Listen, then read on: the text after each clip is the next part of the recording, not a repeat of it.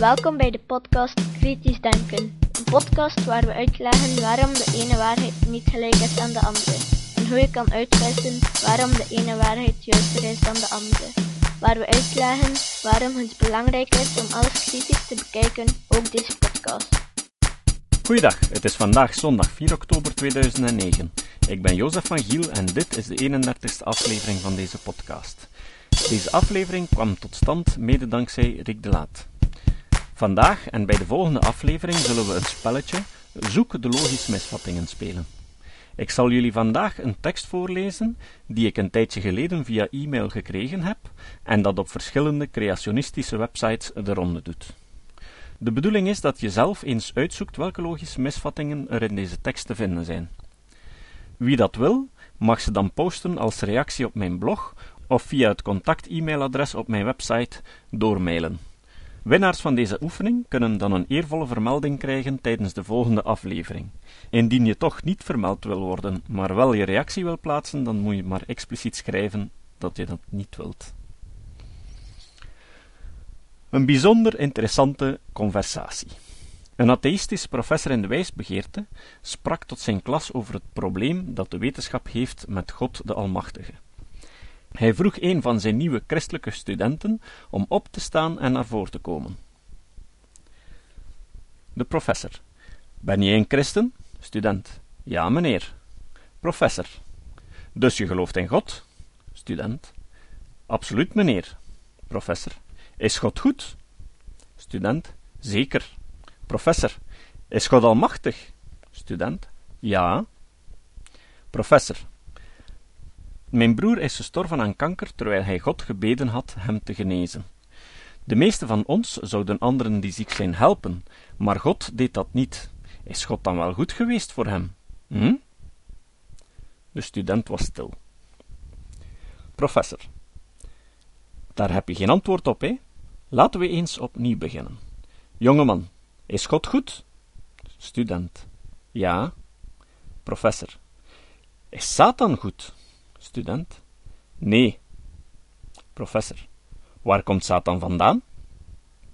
Student. Van uh, God.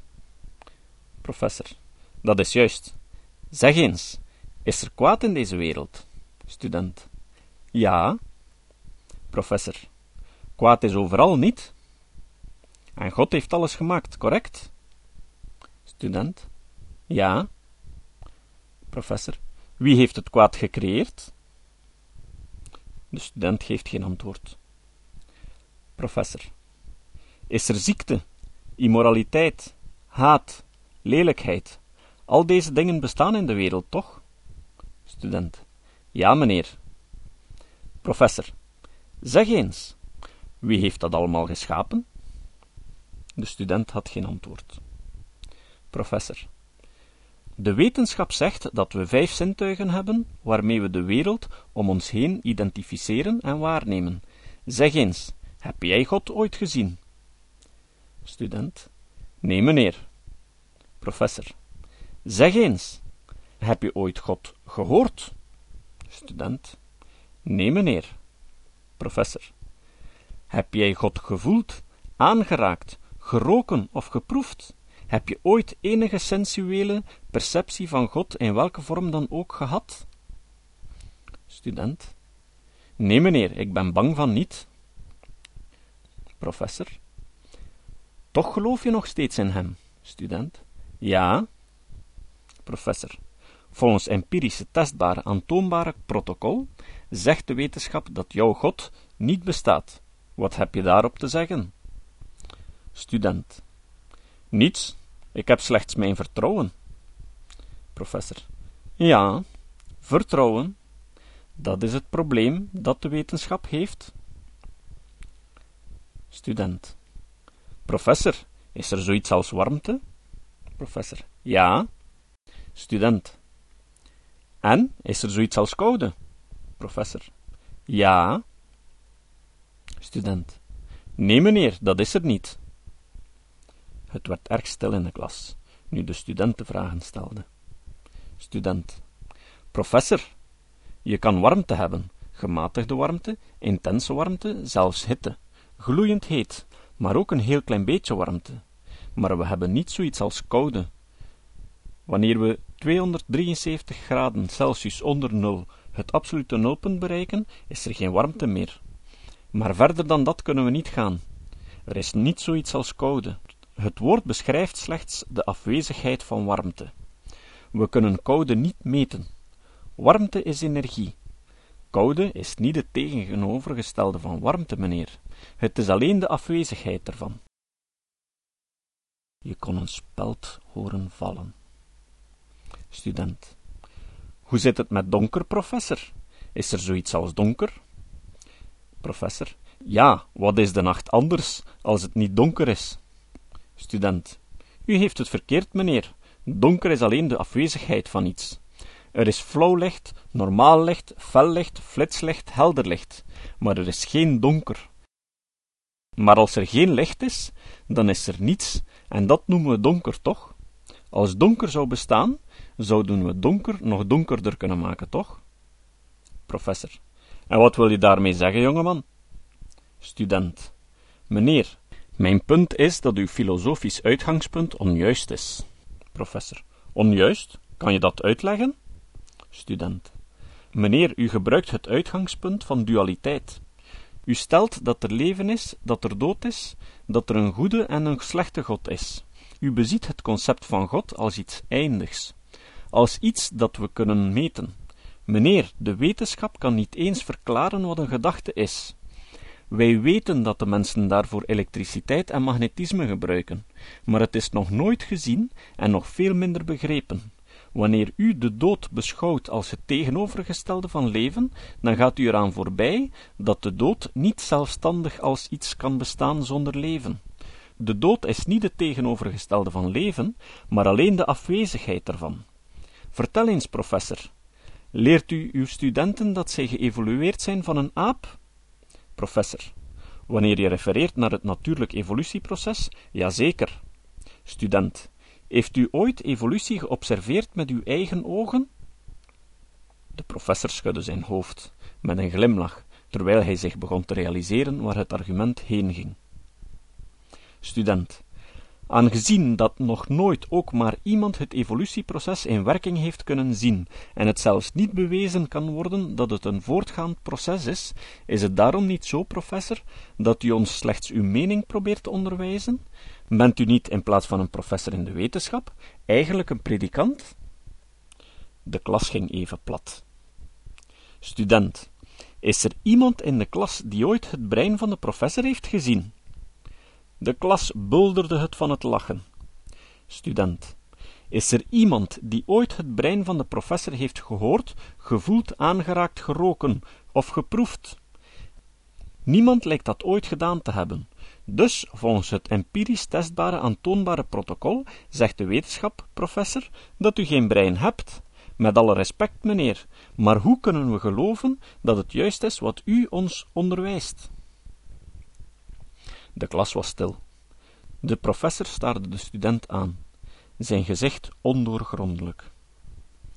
Professor, ik denk dat je daar maar op moet vertrouwen, jongeman. Student, dat is het, meneer. Exact. De band tussen de mens en God is vertrouwen. Dat is alles dat de dingen in leven houdt en in beweging. De student was Albert Einstein. Actualiteit.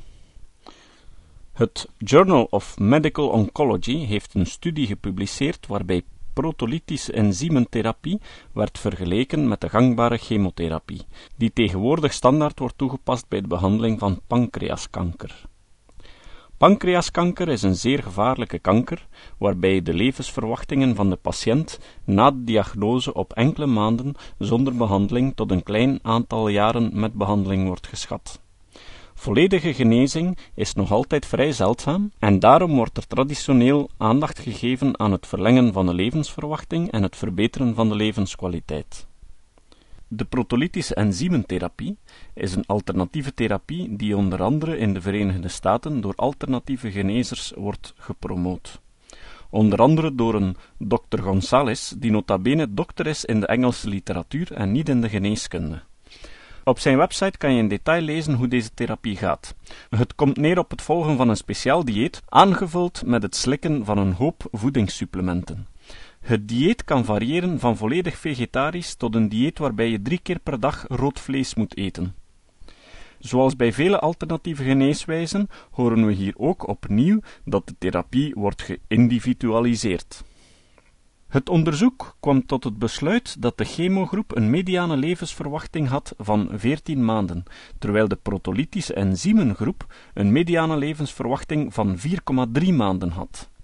De mortaliteitsratio was bijna 7 voor de enzymgroep tegenover de chemogroep. De overleving na één jaar was bij de enzymgroep 16%, terwijl dat bij de chemogroep 56% was. Wat de situatie nog erger maakt, is dat ook de levenskwaliteit gedurende de overlevingsperiode voor de enzymengroep een stuk slechter was. Ondanks de resultaten van dit onderzoek heeft Dr. Gonzales niets veranderd aan de inhoud van zijn website. Een link naar dit onderzoek en naar de website van Dr. Gonzales vind je bij de notities van deze aflevering op mijn website. Dikwijls vragen mensen me of het niet normaal is dat als je met een terminale ziekte zit, je alle mogelijkheden uitprobeert, zelfs al is de kans zeer klein dat het helpt. Mijn antwoord is: het is wel menselijk, maar het is niet normaal. Bovendien toont het alleen maar aan hoe, hoe, immoreel de handelingen zijn van kwakzalvers die zich proberen te verrijken met de miserie van mensen die ten einde raad zijn. Het bewijst vooral dat kwakzalverij wel degelijk serieus moet aangepakt worden. Het citaat. Het spreekt voor zich dat we vandaag een citaat van die fameuze Albert Einstein zullen aanhalen. Hier komt het. Religieus denken is een poging een uitgang te vinden waar geen deur is. Tot de volgende keer. En ik zie er al naar uit om al de reacties te lezen. Dit was de podcast Kritisch Denken. Vergeet niet om alles kritisch te behandelen, ook deze podcast. Voor verdere informatie over deze podcast, links en voor de tekst, surf naar www.kritischdenken.info. Als je deze podcast belangrijk vindt, dan kan je me steunen door andere mensen warm te maken ook eens te luisteren.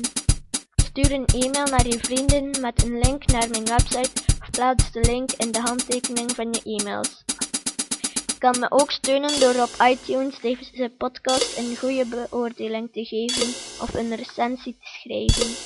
Of je kan op je eigen website of blog een link naar mijn website plaatsen. Hoe meer links, hoe sneller je gevonden wordt op Google.